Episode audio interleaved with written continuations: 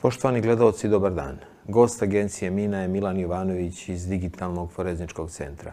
Sa Jovanovićem razgovaramo o lažnim informacijama, dezinformacijama, kako ih pronaći, kako ih detektovati, koliko utiču na naše živote, koliko je Crna Gora podložna na tom fenomenu.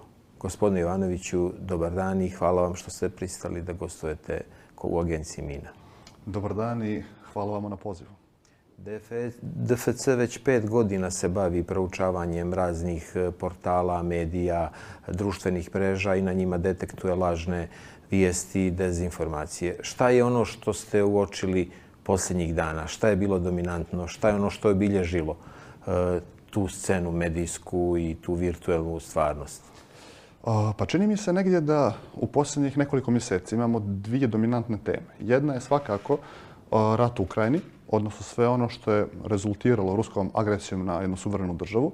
I samim tim čini mi se da se pronašao jako dobar prostor i u crnogorskim medijima, i odnosno kroz određene crnogorske medije, da se plasira sve ono što se može pronaći na ruskim državnim medijima.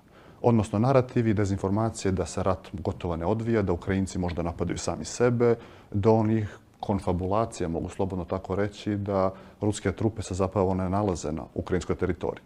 I to je nešto što ne nalazimo samo zadnjih dana. To su određeni mediji koji su na gori preuzimaju i plasiraju takve informacije u kontinuitetu. S druge strane, ono što je negdje, ajde kažem, više lokalno nego globalno, jeste tema 13. jula, odnosno Dana državnosti. Pa smo tako prije nekoliko dana upravo imali jedan crnogorski medij koji je pokušao da negdje da mogu slobodno reći, negativno izvijesti o tom događaju na način što je preuzeo stare fotografije, stare video snimke, nekih potpuno drugačijih koncepata i datuma i pokušao ih predstaviti kao da se to zapravo zbilo 13. jula u Nikšiću kako bi diskreditovao samu ideju, sam 13. juli, sve ono što ona predstavlja i znači za Crnogorca.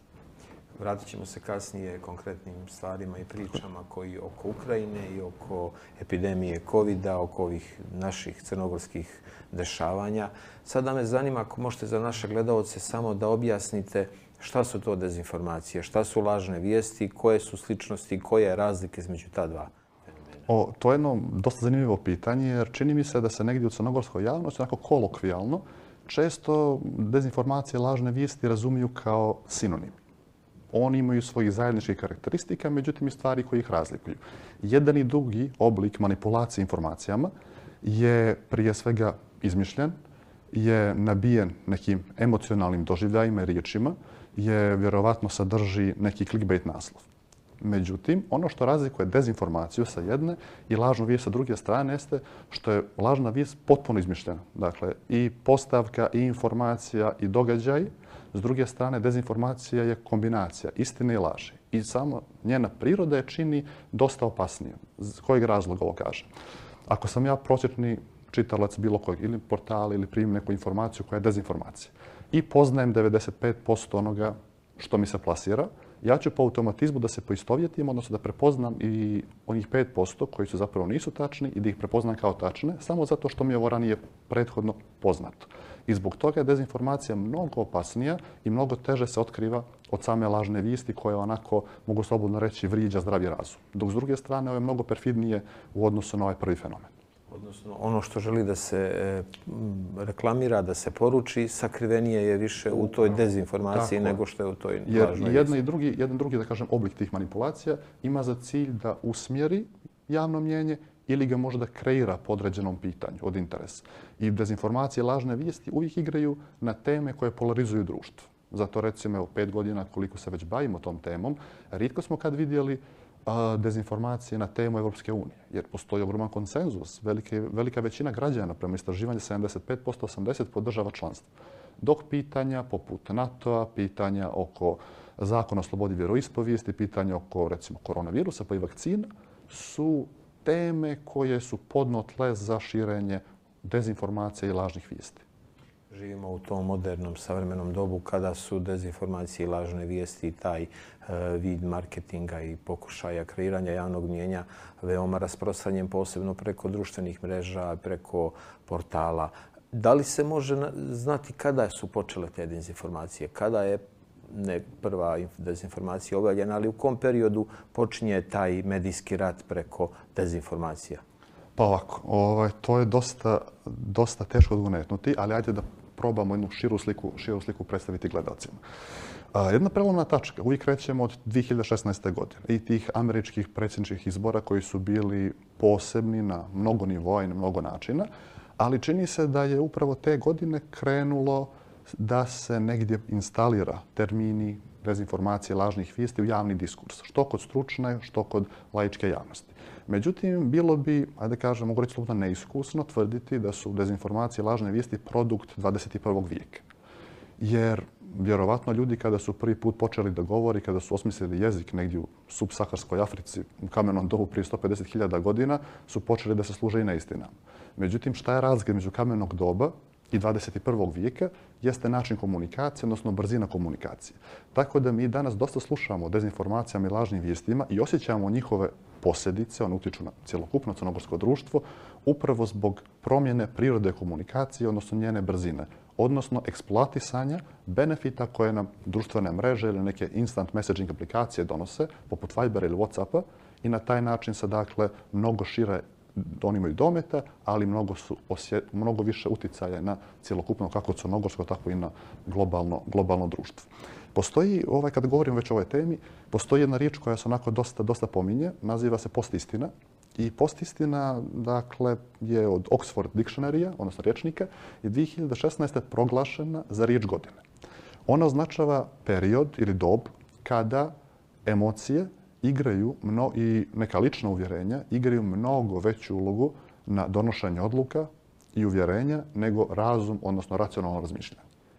I čini mi se da kad već govorimo o tome, društvene mreže imaju veliku ulogu upravo i doprinijele su da mi danas govorimo o ovome problemu, da mi osjetimo taj problem i da na kraju tražimo određena rješenja. Jer suština svih lažnih vistija, kasnije ćemo vjerovatno pokrenuti temu oko društvenih mreža i vjerojatno ću imati prostora da malo bliže objasnim neke, neke, neke teze koje sam upravo iznio, jeste da negdje podrije povjerenje u institucije i u zdravorazumsko razmišljanje. Jer, evo, sjetit ćemo se ovaj, Hannah Arendt u svoje dakle, knjizi o totalitarizmu, ona govori da je priroda laži, odnosno njen cilj upravo da diskredituje kako razum, tako i logičko razmišljanje. I nije se tu nešto mnogo dakle, promijenilo u 21.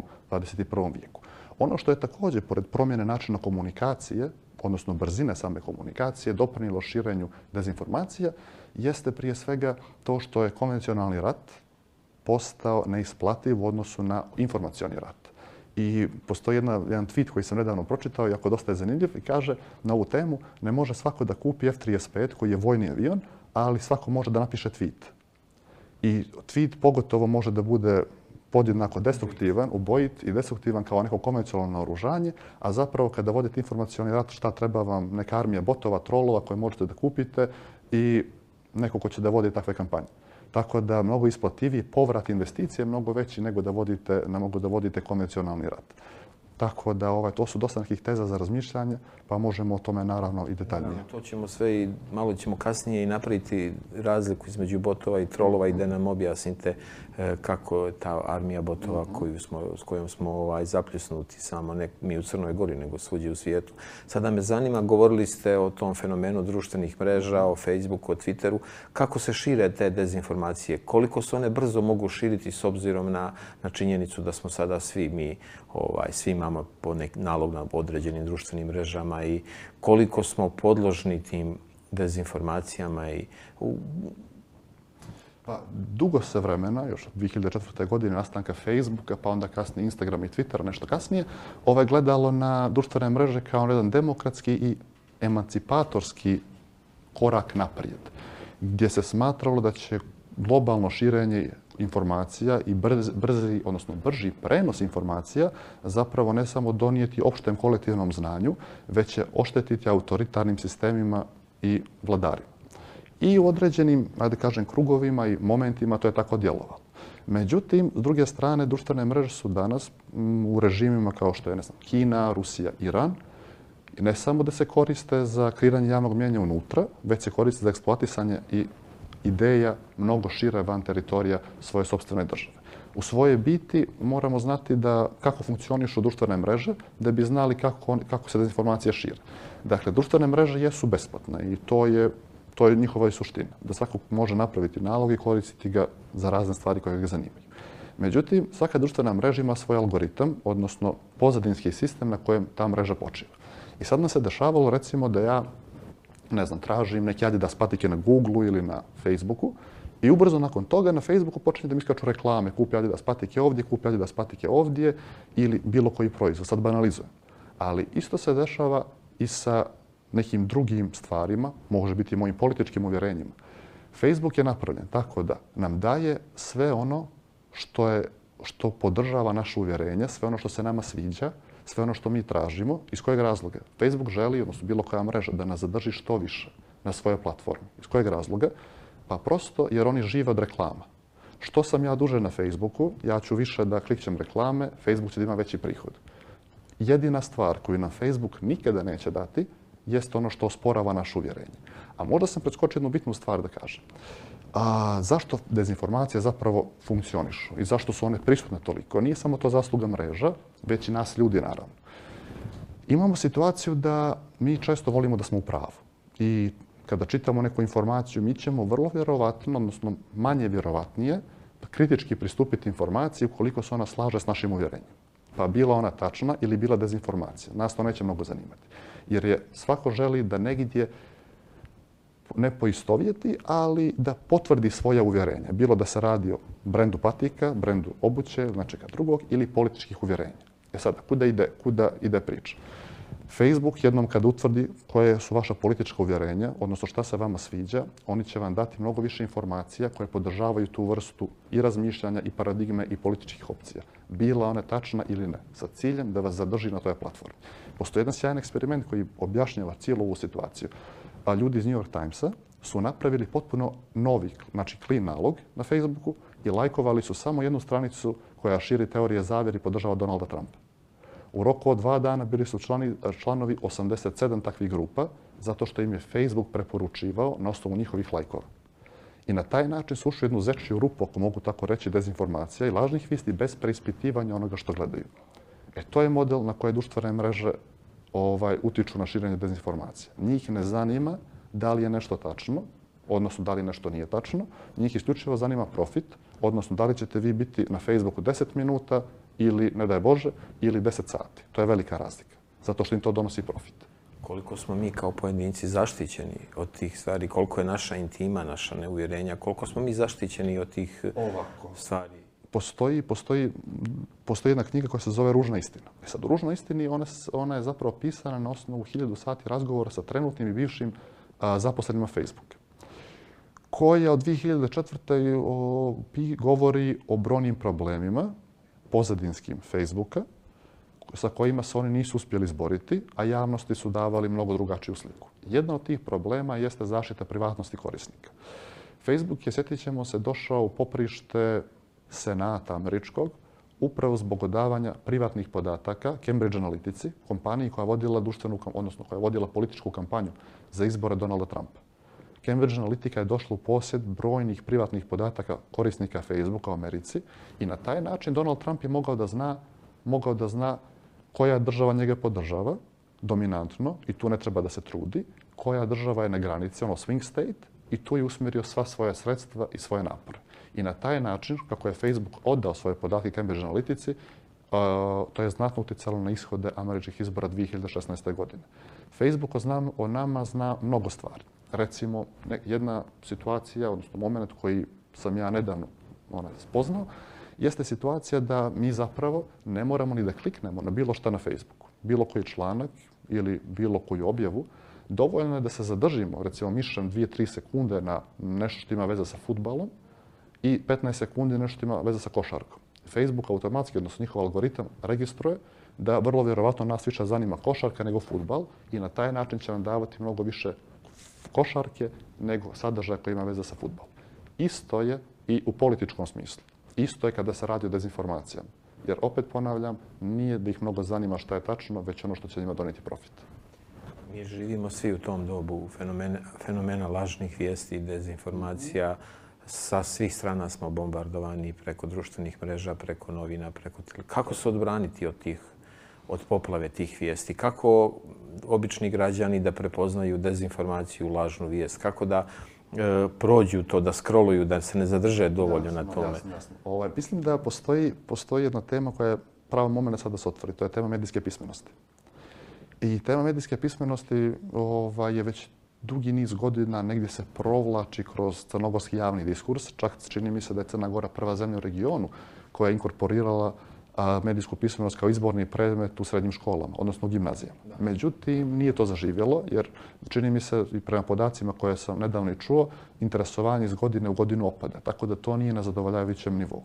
E sad, medijska pismenost, sad da je ne previše ne komplikujemo, nego da objasnimo, to je sposobnost kritičkog pristupanja, vrednovanja, analiziranja i upijanja informacija. Dakle, da nismo puki posmatrač i da ne upijamo samo one stvari koje se slažu sa našim uvjerenjima, nego da to kritički sagledamo i vidimo da ga stavimo na vladicu fiok koja je moje mjesto. Jer samo građanin koji može kritički da vrednuje stvari, je, pre, je takav građanin zapravo preduslov za napredak demokratije, za demokratizaciju crnogorskog društva, jer takav građanin može donosi racionalne odluke. Postoji indeks takozvani medijske pismenosti. I e, ne pričam ovo na pamet zato što je meni bliska tema medijske pismenosti, već zato što recimo države poput Baltičkih zemalja ili Nordijskih zemalja su uvijek na ovom indeksu kojem ću sada reći nešto na prvim mjestima zemlje koje gotovo da nemaju problema sa dezinformacijama. A indeksa radi zadnjih nekoliko godina 35 zemalja Evrope obuhvaćeno. I mislim da ne moramo pogađati niti sad nešto previše mozgati gdje se nalazi Crna Gora. Mi smo prošle godine bili 32. zemlja ako bi sportskim žargonom rekli, na začelju tabele pred ispadanje u drugu ligu. Dakle, 32. 35 zemalja, što opet nije za pohvalu, ali bih rekao da je jedan alarm o kojem se ne govori dovoljno, pogotovo među ključnim donosiocem odluka, i smatram da je to tema koja zaista zaslužuje mnogo veću pažnju nego što je to danas slučaj. Pogotovo je važna medijska pismenost među mladima. Za kojeg razloga? Jer mladi su ti koji su najviše izloženi informacijama sa svake strane. Da li tradi putem tradicionalnih medija ili putem društvenih mreža ili nekih novih digitalnih medija, potpuno je svejedno. Mediji su, kojem god obliku oni bili, i veoma snažan agens socijalizacije.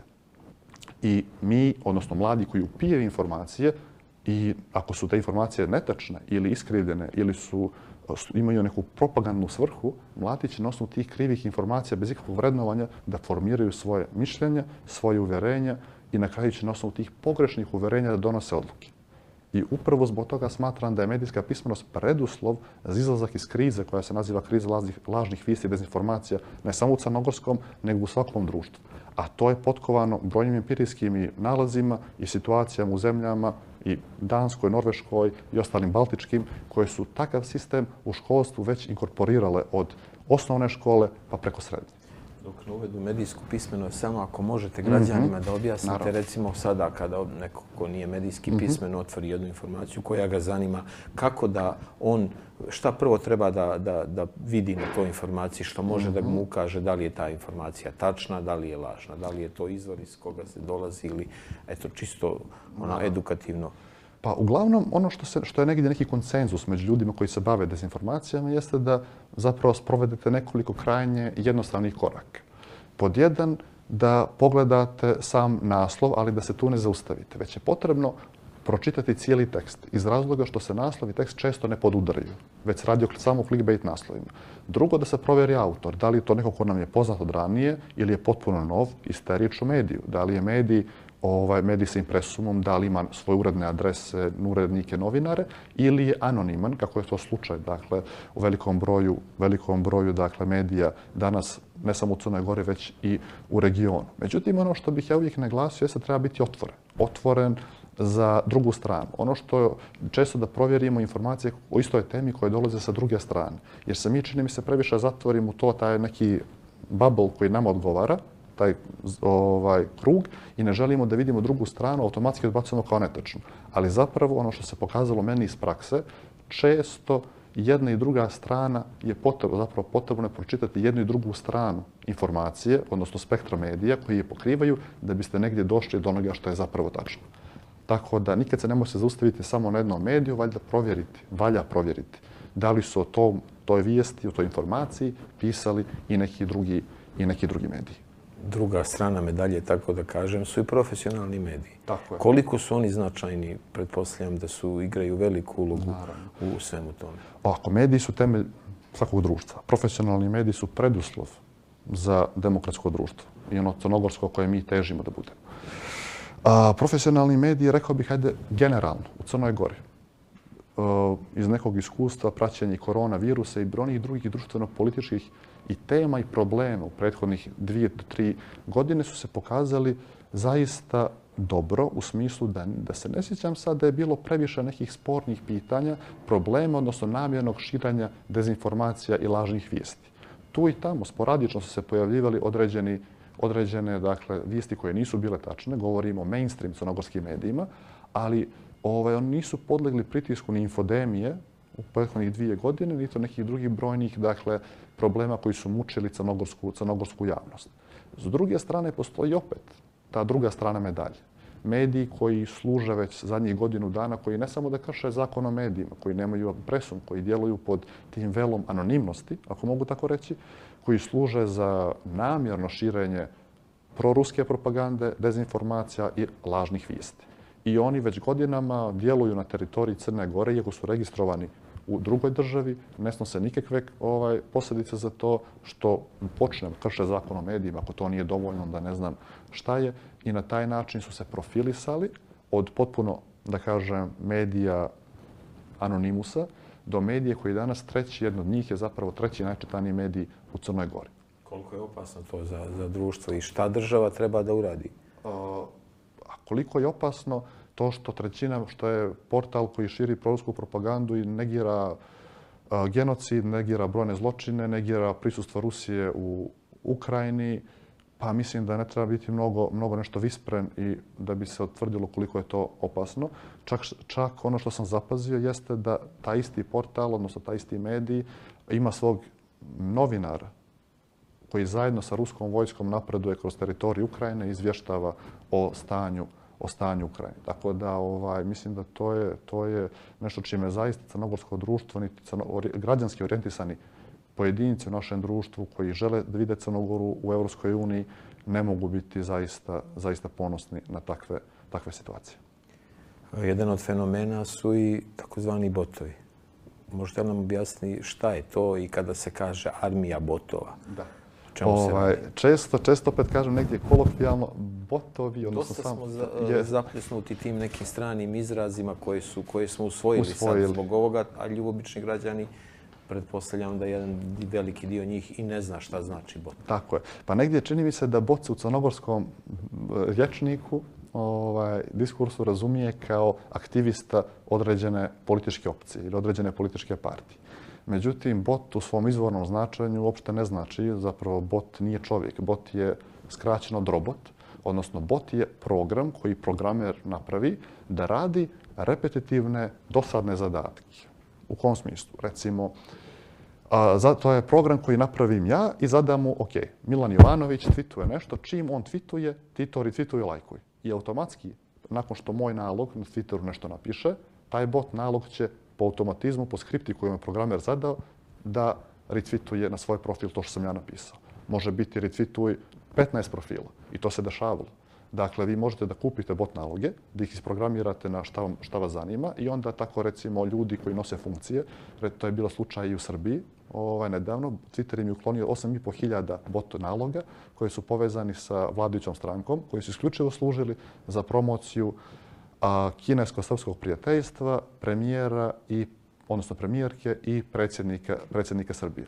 I onda 2020. godine ovaj Twitter u februaru čini mi se objavio jedan ogroman izvještaj koji oni ob, obično objavljuju kada uklanjaju sporne sadržaje sa svoje mreže. Između ostalog, tada je bilo uklonjen ogroman broj naloga iz Pakistana, Irana i Srbije koji su bili povezani sa vladajućim strukturama. Tako da bot nije, nije, nije čovjek, nije aktivista bilo koje političke partije, već je kompjuterski program, ajde tako da ga, da ga definišemo na jednostavno. Ali koliko je teško kreirati taj nalog? Koliko je teško dati lice, oblik, e, fizionomiju Veoma određenom? ovako. Lako ga je kreirati, lako mu je dati lice, ali ne autentičnost. Postoji sajt, postoji zapravo ni sajtova. Ranije su ljudi uzimali slike sa interneta i stavljali za profilne fotografije Danas to ne morate da radite jer postoji način kako bilo koju fotografiju koju vidite na internetu naiđete da provjerite da li je autentična, da li je originalna ili je preuzeta sa nekog sajta. E, kako, se, kako su se ti načini postali sve dostupniji, onda su počeli da se razvijaju sajtovi koji na osnovu vještačke inteligencije kreiraju lica koja uopšte nemaju veze sa, nisu, nisu, nisu, original, nisu preuzeta od mene, od vas, ne postoje. I sajt se zove ova osoba ne postoji. This person does not exist. Jedan od tih sajtova. I šta on radi? On skuplja, sajt funkcioniše po principu da skuplja fotografije lica sa društvenih mreža, raznih ljudi. Recimo, uzme fotografije nas dvojice, još deset ljudi, spoji ih i dobije mušku ili žensku osobu.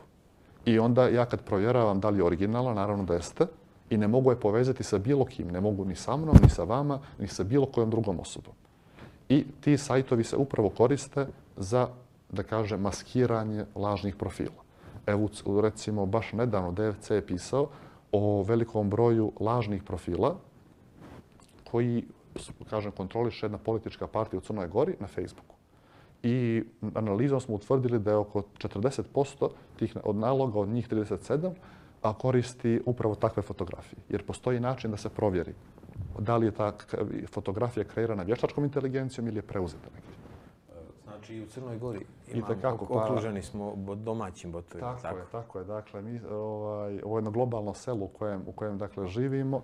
Jednostavno nije izuzeta ni Crna Gora i svih tih dešavanja bilo na pozitivna ili negativna i s koje god strane društvenih mreža dolazile. Tako da i u Crnoj Gori se uveliko a, sprovodi, sprovodi jedna kampanja na društvenim mrežama koristeći lažne naloge koje u ovom slučaju rekao bih da vode ljudi, da nisu bot nalozi, nego baš vode ljudi, a s obzirom na komentare koji se ostavljaju na razumijevanje konteksta u tim komentarima, jer obično mašine, odnosno kompjuteri, ne mogu baš da se da, da, da previše shvate, niti da napišu kvalitetne komentare bez ljudskog inputa. A, ja sam pisao Facebooku, da, to postoji jedan problem. Ajde već kad smo tu da pokrenemo još jednu priču, a tiče se Facebooka, odnosno bilo koje društvene mreže i njihove zainteresovanosti da djeluje ne u Crnoj Gori kao malom, veoma malom tržištu, već bilo koje, da kažem, većoj državi, koja nije Amerika, koja nije Velika Britanija ili Australija. Zašto? Jer te države mogu da dovedu Zuckerberga pred senat, dok Crna Gora i problemi koji se ovdje dešavaju i naše prijave su statistička greška. Govorim ovaj, iz iskustva. Dakle, kole... Tako je, Facebooku. Povodom čega? Povodom mnogih stvari u prethodnih nekoliko godina i imamo kontakt osobu sa kojom razgovaramo koja nije baš ovaj, previše, previše otvorena za komunikaciju, već odgovara s vremena na vrijeme. Povodom čega ste Povodom lažnih profila, povodom anonimnih profila koji targetiraju određene ljude, povodom bot profila i povodom lažnih profila. Jer sve ti fenomeni koje sam upravo nabrojao krše community standards Facebooka, odnosno uslove korišćenja. I po automatizmu bi trebale Facebook sam da ih briše. Međutim, dolazimo tu do problema, odnosno nekoliko problema kada govorim konkretno o Facebooku. Jedan je da samu selekciju, odnosno prepoznavanje i brisanje spornog sadržaja radi vještačka inteligencija. Dakle, nemoguće je da ogroman broj ljudi sjedi iz Facebooka i da pregleda cijeli Facebook, odnosno briše komentare i što sporni sadržaj, te su oni odredili, kako je Facebook porastao s korisnicima, da to napravili su neke algoritme i vještačku inteligenciju koja to sama radi. Međutim, taj sadržaj isključivo, odnosno taj način funkcioniše za englesko govorno područje, odnosno za engleski jezik. Za naš jezik, znači mi ne postojimo. I zašto to kažem? Koleginica s kojom sarađujemo, ona živi u Americi, a poriklom iz Srbije, je nedavno zbog svog jednog članka koji je pisala, došla na, postala je meta brojnih lažnih naloga i anonimnih naloga na Twitteru. Mi smo prijavljivali, nas nekoliko prijavljivali smo zbog to što je piše, to je bio vredljiv govor, prijetnje smrću i tako dalje. Naravno, ništa se nije desilo. To je eskaliralo, onako došlo je do, dobilo je svoj, svoj zamah i došlo je do ljudi na Twitteru, zato što je neko to poslao njima, ne zato što zbog prijave. I kasnije se ispostavilo ono što se već što je javna tajna, to je da ni bilo koji društvena mreža, tako ni Twitter, Crna Gora, Srbija, mala tržišta, apsolutno ne zanimaju. Zato mi nemamo regionalnu kancelariju, niti bilo koje mreže ovdje. Tako da ovaj, to samo pokazuje koliko njih zanima to što se dešava kod nas.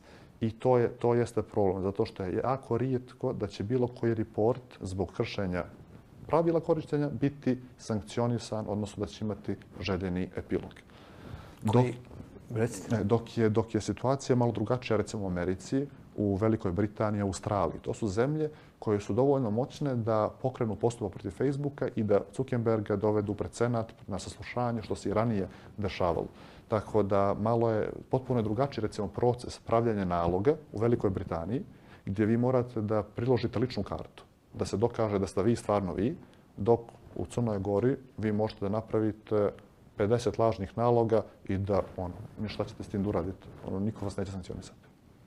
Kako da se izborimo protiv toga? Da li je država potrebno da stane i da na neki način zaštiti i da se obrati možda zvanično uh, Facebooku, Twitteru? Ovako. Uh, da li je moguće uopšte? Moguće je. Moguće je do sad, prije, čini mi se 5. ju, početak ovoga mjeseca, Europska unija je usvojila Digital Service Act, odnosno ovaj, dokument o digitalnim uslugama, koji targetira isključivo društvene mreže previše dugo su društvene mreže bile facilitatori raznih problematičnih sadržaja, a da za to nisu snosile bilo kakve posljedice. I ovaj, u Americi je to još predmet raznih debata. Evropska unija je odlučila da konačno nešto uradi po tom pitanju. I usvojen je dokument koji važi na teritoriji Europske unije i koji sada mnogo uvodi brojne sankcije za sporan sadržaj na mrežama. Od pornografije do dezinformacija i brojnih drugih, dakle, on, svega onoga što zapravo krši te njihove uslove, uslove korišćenja. A Facebook je isključivo zaslužan, odnosno Facebook je taj koji sprovodi monitoring, koji mora da ga sprovodi i koji mora da uklanja taj sadržaj. Tako da je to jedan dobar korak i još jedan dodatna, kažem, posljecaj da Crna Gora što prije postane članica, članica Europske unije. A preko nekih drugih kanala mislim da je to jako teško postići, odnosno ako su udružite snage kao što su to uradile zemlje Europske unije. Osim Facebooka, koja se mreža e, najviše koristi? Twitter, Instagram, šta je ovako. naj... što se tiče, nakon, dobro, Facebook ima nekih, koliko sam vidio, skoro 500.000 naloga u Crnoj Gori. Sad, to ne znači da 500.000 ljudi ima nalogi. Već ja mogu imati 15 naloga, vi možete imati 20, tako da, ali opet na 620.000 stanovnika, 500.000 je mnogo. S druge strane imate e, Instagram, koji je pre nekim podacima koje sam vidio 317.000 ima. E onda tu dolazi Twitter. Sad, Twitter nisam konkretno mogao naći brojke, ali Twitter je doživio neki svoj procvat, mogu tako reći, već negdje početkom 21. godine, kada se veliki broj nosioca funkcija u tom periodu preselio na Twitter kao jednu dominantnu platformu diskusije, razmjene mišljenja, argumenata i sve u svemu komunikacije sa javnosti. I onda su se ljudi onako u želji da komuniciraju, da kritikuju, da pitaju, doselili, ako mogu tako reći, na Twitter. Koliko ima korisnika, ne znam. Međutim, šta sam primijetio, jeste jedan trend Telegram kanala. Da li, sad ne znam, ovaj, da li gledalci vjerojatno znaju za Telegram. Telegram je društvena mreža, odnosno, novi, no, da, novija. koja je zaslužna za brojne probleme u američkom društvu, koje koriste uglavnom desničari, koje koriste ljudi koji su upali u Capital za koordinaciju svojih aktivnosti. I čini mi se da ne znam po kojem pravilu i zbog čega, ali Telegram je to, to je jedan trend korišćenja Telegrama od strane ultradesnih, konzervativnih i aktivista i partija i pojedinaca.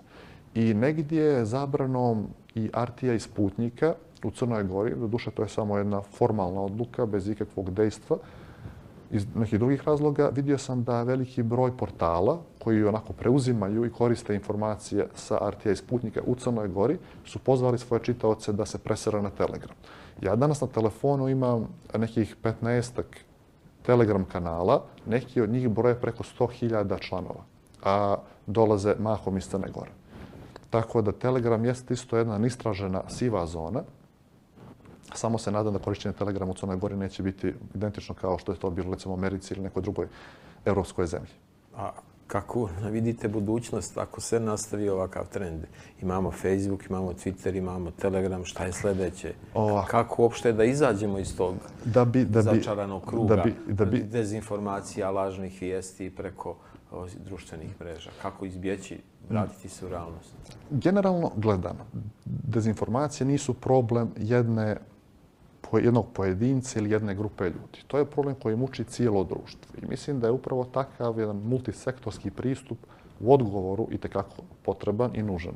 U Crnoj Gori imate medije koji su više nego voljni da sarađuju ovaj, na, u borbi protiv dezinformacije. Imate organizacije civilnog društva koje su voljne da sarađuju.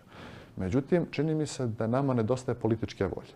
Jer upravo ti društveni, društveni odnosno nosioci određenih funkcija, društvene i političke elite, kroz institucije su ti koji trebaju da, donese, da donesu set uredbi, zakona, propisa, sugestija, kako kako da se oni bore ako podređene političke partije koriste taj vid e, borbe za svoju promociju? E, da li je... možemo da očekujemo da će se određena politička partija boriti protiv oružja koje je njoj koristilo da recimo koje je neoportuno da. Ne, oportuno i da bilo koji drugi način ali ono je njoj donijelo korist recimo na izborima pa je ona sa određenog broja procenata. Znači koliko je važno da se napravi ta razlika da se podvuče crta između onoga što je korisno za društvo i onoga što je korisno za političku partiju. Upravo je to bio, da kažem, smjer o kojem sam krenuo da, da, da govorim. Negdje mi treba da imamo, to je sad previše možda distantno ili ne, ne može se očekivati za naše crnogorske prilike, ali potrebno je imati institucije i pojedince u tim institucijama koji će biti svjesni da je demokratiju potrebno štititi od raznih upada sa strane, od raznih, što se kaže, malignih uticaja, u ovom slučaju dezinformacija. Mi u Crnoj Gori niti imamo institucije, niti imamo zakone, niti imamo pojedince koji tretiraju tu temu. I čini mi se baš to što ste vi rekli. U Crnoj Gori se dosta ljudi, političara, ajmo tako da kažem, ograđuje i javno, javno kritikuje dezinformacije, ali rijetko ko od njih ih nije koristio za svoje dnevno političke, dnevno političke dobiti, koristi.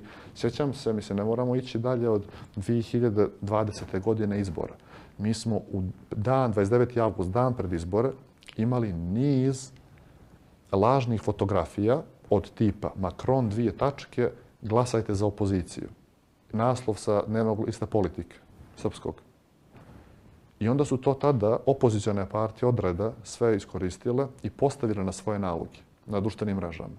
Dok smo mi provjerili i kontaktirali politiku, dok smo saznali da to nije tačno, dok smo javili partijama, znate što se desilo? Ništa. Ja se sjećam još u oči referenduma, recimo, slična je priča, jedna pojavila se dezinformacija za jednog e, političara i onda je naravno državna televizija morala tada da neki način to da ovaj popravlja. E, Crna Gora je zapljusnuta svim vrstama dezinformacija. Ono što je dominiralo, rekli ste, to je COVID, to je agresija Rusije na Ukrajinu. Mhm. Koliko smo pogođeni konkretno takvim informacijama, recimo oko COVID-a, onaj medijski rat, od, konkretno oko vakcinacije. Koliko je uticao na građane Crne Gore da se e, ne vakcinišu? Ovaj, to je da li bio, imate te podatke, da li se radili o to? To je bio, to je jedan veliki problem na globalnom nivou. Dakle, mi smo eto kao dio jedne veće zajednice dobili dio tih problema da rješavamo, pa su tako sve dezinformacije, lažne vijesti koje su cirkulisale negdje po svijetu, a koje su ticale prije svega zdravstva i pitanja vakcina i pitanja koronavirusa, ovaj stigli u Crnu Goru to, to, taj problem je stavljen kao jedan od prioriteta i u Evropskoj komisiji i u Ujedinjenim nacijama i znamo da je Svjetska zdravstvena organizacija definisala taj termin infodemija, koji je značila pregršt informacija, dosta onako netačnih vezano za sam proces i vakcinacije i koronavirus. Međutim, u Crnoj Gori je to, to ono što sam im rekao negdje ranije, bio sam pozitivno iznenađen koliko naši mediji generalno, mainstream mediji nisu podlegli pritisku u širenju nekih neprovjerenih informacija. Mi smo za dvije godine imali jako malo broj dezinformacija koje su dolazile iz, na tu temu iz mainstream medija. S druge strane, bilo je tu svega i svačega sa neke, sa neke druge strane. Ono što je jedno zanimljivo pitanje jeste pitanje same vakcinacije i vakcine. U početku to su svi znamo. Sjećamo se onih teorija da u vakcinama se nalaze čipovi i onda Bill Gates želi da kontroliše. Mislim, to je ovaj, razna konfabulacija koja vriđa zdravi razum, ali i to je našlo svoju ciljenu publiku. I to se primilo. A onda je krenulo sa malo ozbiljnim, ako mogu tako reći, teorijama o potencijalnim nuspojavama nakon vakcine, što je obeshrabrilo veliki broj građana da se vakciniše. Teško je to kvantitativno izraziti, koliko je to procenat. Ali mislim da svako od nas u svom privatnom životu zna jednu ili više osoba koja upravo zbog raznih teorija sa Facebooka ili neke druge društvene mreže nije odlučila da pođe i da se vakciniše. Ja ih znam nekoliko. I jednostavno nisam uspio da izađem na kraj, na kraj sa tim i ne želim da ubjeđujem ljude jer svako donosi svoje odluke, ono, odrasli su ljudi, ali je siguran sam, dakle, to je jedan veliki problem u crnogorskom društvu. Također, pored koronavirusa imali smo i one dezinformacije i teorije oko 5G mreže. Znači, sjećam se jednog baš primjera u kojeg sam se dosta zamislio, a ticao se, čini mi se, 2020. godine, o, izjutra dobili smo vijest da je ova, jato vrabaca preminulo negdje na ulicama Podgorica. I neko je odmah izbacio teoriju da se radi, da je to zbog 5G mreže u Crnoj Gori. Što je bilo netačno na više nivoa. Pod jedan, mi u tom periodu nisu imali bilo kakvu 5G infrastrukturu, niti je bilo što postavljano u Crnoj Gori, pa ni u Podgorici. A drugo, što su brojni ornitolozi, dakle ljudi koji su se bavili pticama, rekli da je to zbog specifičnosti temperature i nagle promjene temperatura dakle, u noći zbog kiše i oluje. Dakle, to je bilo onako dosta jako, jak pokret koji je rezultirao peticijom preko noći koja je imala preko 18.000 potpisnika da se unište sve 5G infrastrukture i instalacije u Crnoj Gori, koje tada u tom momentu, početkom 20. nisu ni postojale. Tako da svaka ta neka, koliko god možda nama zvučalo ne negdje nelogično ili netačno, koliko god znali, možda to nije tačno, nađe svoju publiku i tako pokrane ono snowball, što se kaže, krene to da se kotrlja i dođe od jednog pojedinca do 18.000 ljudi koji su potpisali javno peticiju na change.org, na web sajt. Druga ova bitna tema je i agresija Rusije na Ukrajinu. Da li je to, imate li, jeste li radili istraživanja, koliko je to uticalo recimo na promjenu e, razmišljanja građana onome što se dešava u Ukrajini. Koliko je uticalo da određeni ljudi vjeruju ovo ono o čemu ste govorili ranije, da, mm -hmm. da, se, da, da tamo nije ono što jeste. Što jest. Ovako, ajde da se vratimo negdje na početak. Jer ću odgovoriti. Zašto dezinformacije funkcionišu? Zato što se uklapaju u naš način razmišljanja. I mi uvijek tražimo informacije koje negdje potvrđuju ono što mi, što mi vidimo i što želimo da vidimo. Na taj način se isto odvija, odvija i ova kampanja koja se tiče dezinformacija vezano za rat u Ukrajini. Dakle, vi ste imali koliko god jaka polarizacija i vidna polarizacija crnogorskih medija bila, po toj istoj liniji polarizacije ste mogli da vidite način na koji oni izvještavaju o kompletnoj situaciji. Dok se s jedne strane bilo dosta oprezno u prenošenju, mainstream mediji su bili dosta oprezni u prenošenju ova, jedne i druge strane i Zelenskog i Putina o tome šta se dešava, S druge strane imamo neke određene crnogorske medije koji šalju svoje novinare tamo, koji apsolutno ne zanima da li je nešto tačno ili nije, već isključivo prenose i kopiraju ono što se može naći na ruskim državnim medijima. Vi se sjećate odlično da za razliku od Europske unije, koja se jako brzo solidarisala i usvojila niz sankcija i kaznila, odnosno zabranila emitovanje RTS putnike, nama je trebalo tri ili četiri sjednice vlade, odnosno nekih mjesec dana, da se solidarišemo sa evropskim saveznicima i partnerima. I to je poslalo jednu dosta ružnu poruku ovaj u, u svijetu. A druga stvar koju sam htio po tom pitanju ovaj da istaknem jeste da imate niz, nije tu samo problem medija, tu je problem i brojnih organizacija i brojnih da kaže, ljudi na društvenim mrežama koji jednostavno podgrijavaju taj narativ i tu ideju da se ništa, da se ništa zapravo ne dešava. Odnosno da Ukrajina samu sebe napada, što je bio jedan, jedan to je mislim možda i krajnja ona teorija koju ne znam kako, kako možemo povjerovati. Tako da svakako da to je tema koju je, koja je dodatno polarizovala je onako polarizovano crnogorsko društvo, pa se sjećate, imali smo šetnje podrške Rusije, šetnje podrške Ukrajini u jednoj maloj, u jednoj maloj državi, ali sve to, opet generalno gledano, bavljenje i Crna Gora čini mi se za previše bavi temama od sekundarnog značaja i da mi nikako ne možemo da izađemo i dan dana se bavimo time i ne možemo da izađemo iz toga nekog začaranog kruga dok se brojne teme od vitalnog interesa crnogorskog društva guraju po tepih i brojne ideje se guraju po tepih i volio bih zaista da ova emisija i ovaj podcast i ova epizoda bude jedan poziv za ljude koji će ovo slušati, za pogotovo nosioce funkcija i one koje se nalaze na pozicijama, da stave problem dezinformacija i problem lažnih visti ne na vrh svojih prioriteta, ali da ga uvrste u svoje prioritete. Jer mislim da se zadnjih 4-5 godina previše to gura pod tepih i da će ovaj posljedice koje će doći biti mnogo, mnogo loše za naše društvo kada jednostavno ne budemo više znali šta je tačno, šta je ne, a nećemo moći objasniti građanima zašto je nešto tako, zašto nešto nije tako. Naravno, i mi se pridružujemo tom pozivu. Crnogorsko društvo je inače sklono podjelama i onda dovoljno je da se pojavi bilo šta drugo pa da se počnemo dijeliti po nekim Naravno. stvarima koji, koji, nas, koji nas se toliko ne, ne tiču, odnosno koje se toliko možda u ovom trenutku i ne odnose i ne odnose na nas. Podne Ivanoviću, hvala vam puno na gostovanju, a poštovani građani, pozivamo vas da kada nađete neku informaciju koja baš i ne izgleda onako kako ste vi zamišljali, ako se ne uklapa nešto, da provjerite izvor te informacije i da uradite ono kako vam je naš gost i objasnio. Hvala vam puno na pažnju.